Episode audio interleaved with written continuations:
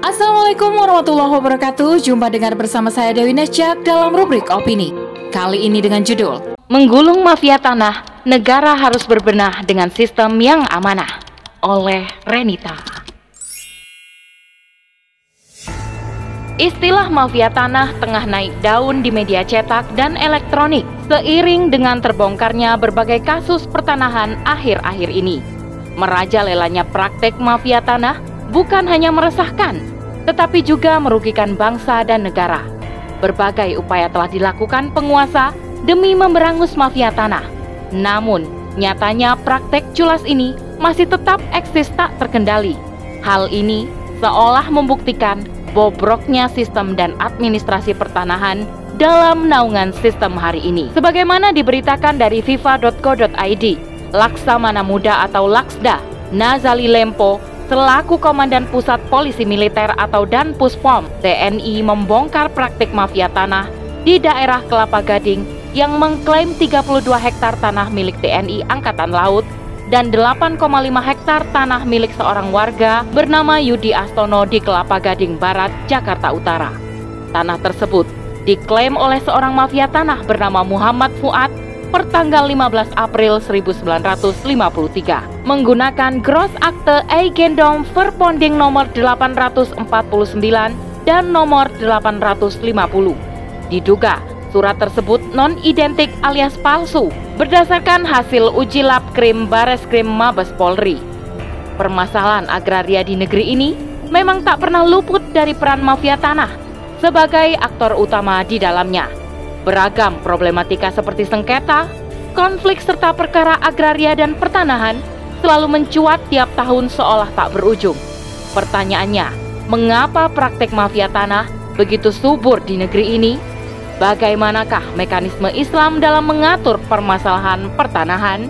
Merajalelanya sindikat mafia tanah ini dapat terlihat dengan mencuatnya berbagai kasus di sepanjang tahun 2021. Sebut saja Kasus mafia tanah yang menimpa keluarga besar mantan Wakil Menteri Luar Negeri Dino Pati Jalal beberapa bulan lalu, serta kasus yang dialami Ibunda Nirina Zubir yang mengalami kerugian 17 miliar rupiah akhir-akhir ini. Menurut data Kementerian Agraria dan Tata Ruang atau ATR, kasus yang ditengarai sebagai mafia tanah di Indonesia dari tahun 2018 hingga 2021 sebanyak 242 kasus. Para mafia tanah ini biasanya mencaplok tanah maupun bangunan orang lain melalui proses peralihan dengan dokumen palsu seperti jual beli dan hibah. Selain itu, mereka juga beroperasi dengan berburu legalitas di pengadilan, menyabotase sesuatu perkara dan menyasar penduduk legal tanpa hak.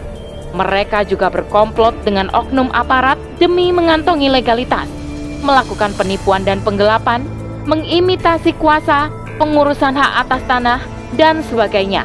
Maraknya mafia tanah ini mengindikasikan bahwa tanah telah menjadi aset instrumen investasi serta komoditas ekonomi yang dapat diperjualbelikan dengan mudah. Namun, dengan pencatatan yang buruk. Lebih dari itu, tanah telah menjelma menjadi perangkat yang menciptakan celah agregasi lebih menguntungkan. Ketika penataan tata ruang juga disetir oleh pasar dan modal.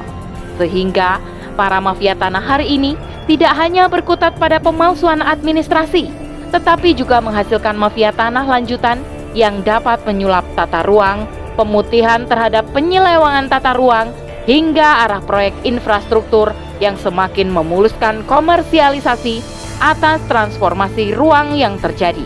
Menteri ATR atau Kepala BPN Sofian A. Jalil menyatakan bahwa kasus mafia tanah berhubungan dengan tindak pidana korupsi terkait aset BUMN aset negara, serta aparat pemerintah atau ASN yang berkolaborasi dengan oknum tertentu.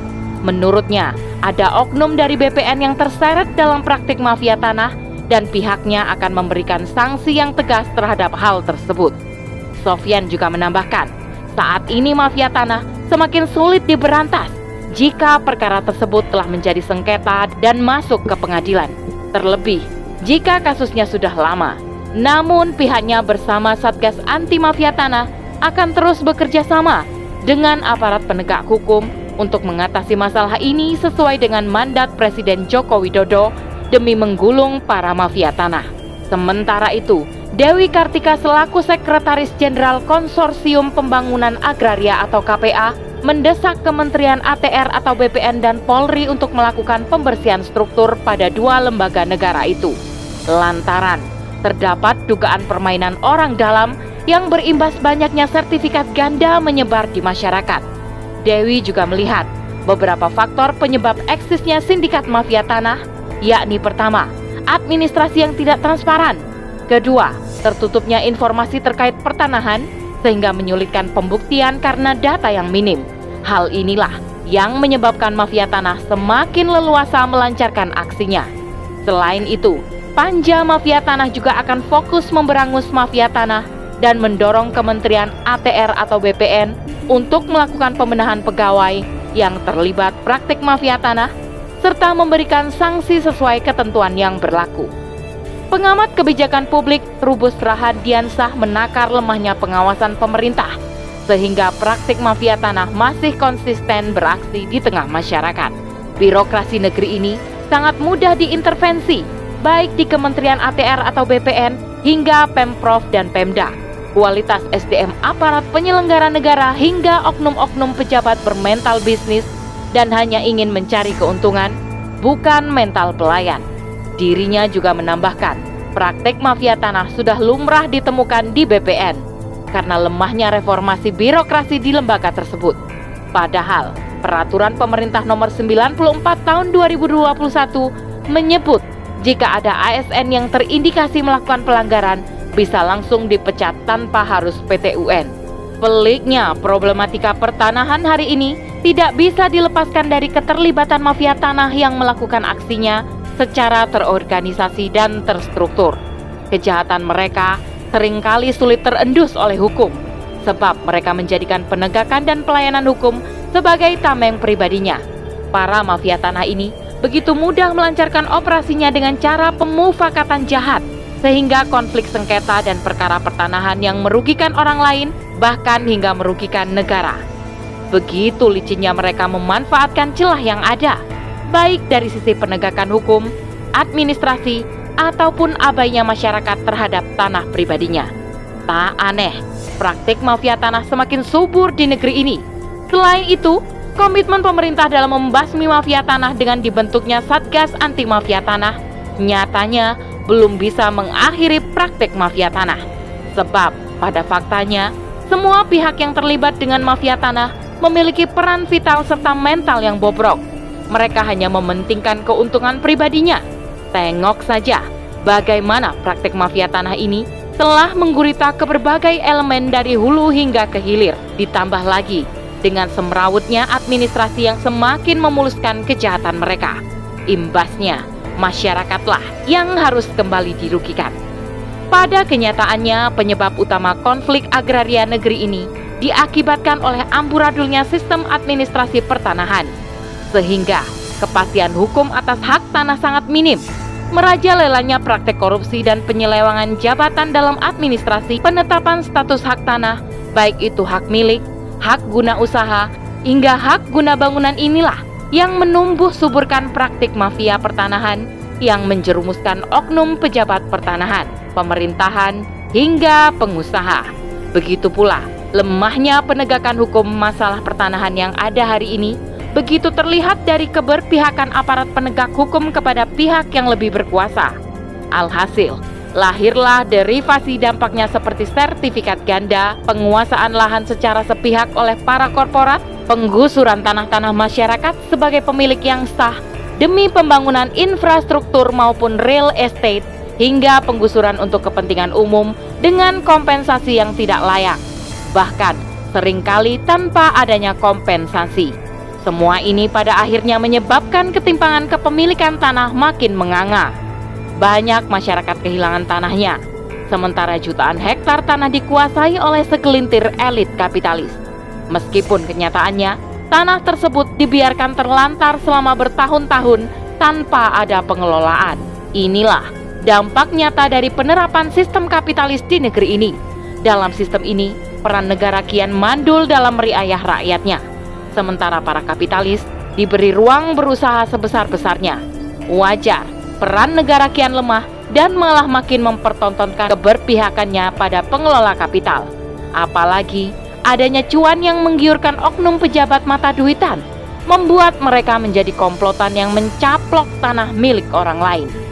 Maka dari itu, untuk menggulung mafia tanah dan mengakhiri masalah pertanahan selama ini, tak akan bisa diberantas hanya dengan transparansi maupun pembenahan individu pegawai pemerintah saja.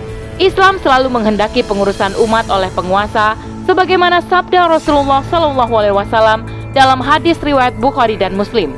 Imam atau khalifah adalah pengurus dan ia bertanggung jawab terhadap rakyat yang diurusnya. Hal ini termasuk pengelolaan pertanahan sehingga potensi terjadinya sengketa di tengah masyarakat dapat dihilangkan. Dalam Islam, kepemilikan tanah atau penguasaan lahan ditentukan oleh produktivitas tanah. Salah satu sebab kepemilikan tanah dalam pengaturan sistem Islam adalah terkait menghidupkan tanah mati atau ihyaul mawat. Menghidupkan tanah sama artinya dengan memakmurkannya, menjadikan tanah layak untuk lahan pertanian, membuat bangunan di atasnya, atau apa pun yang menunjukkan bukti kemakmuran tanah. Dalam hadis riwayat Ahmad, Rasulullah Shallallahu Alaihi Wasallam bersabda, siapa saja yang menghidupkan tanah mati, maka tanah itu menjadi miliknya. Sehingga jika ada individu yang mampu memproduksi di atas lahan tersebut, maka dialah yang berhak memilikinya.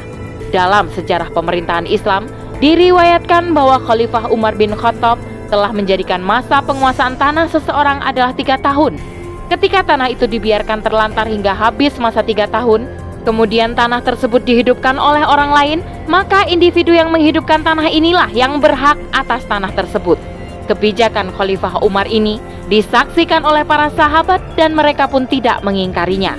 Sehingga ketetapan ini menjadi ijma sahabat dalam masalah kemampuan pengelolaan tanah menjadi produktif.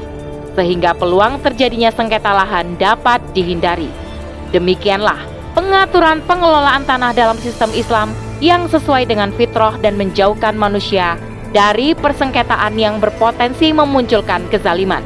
Marilah kita perjuangkan penerapan syariat Islam kafah dalam institusi khilafah sehingga dapat terwujud pengaturan pertanahan yang memberikan keadilan bagi semua pihak. Begitupun oknum pejabat yang dihasilkan adalah individu yang amanah dalam tugasnya. Wallahu a'lam bisawab.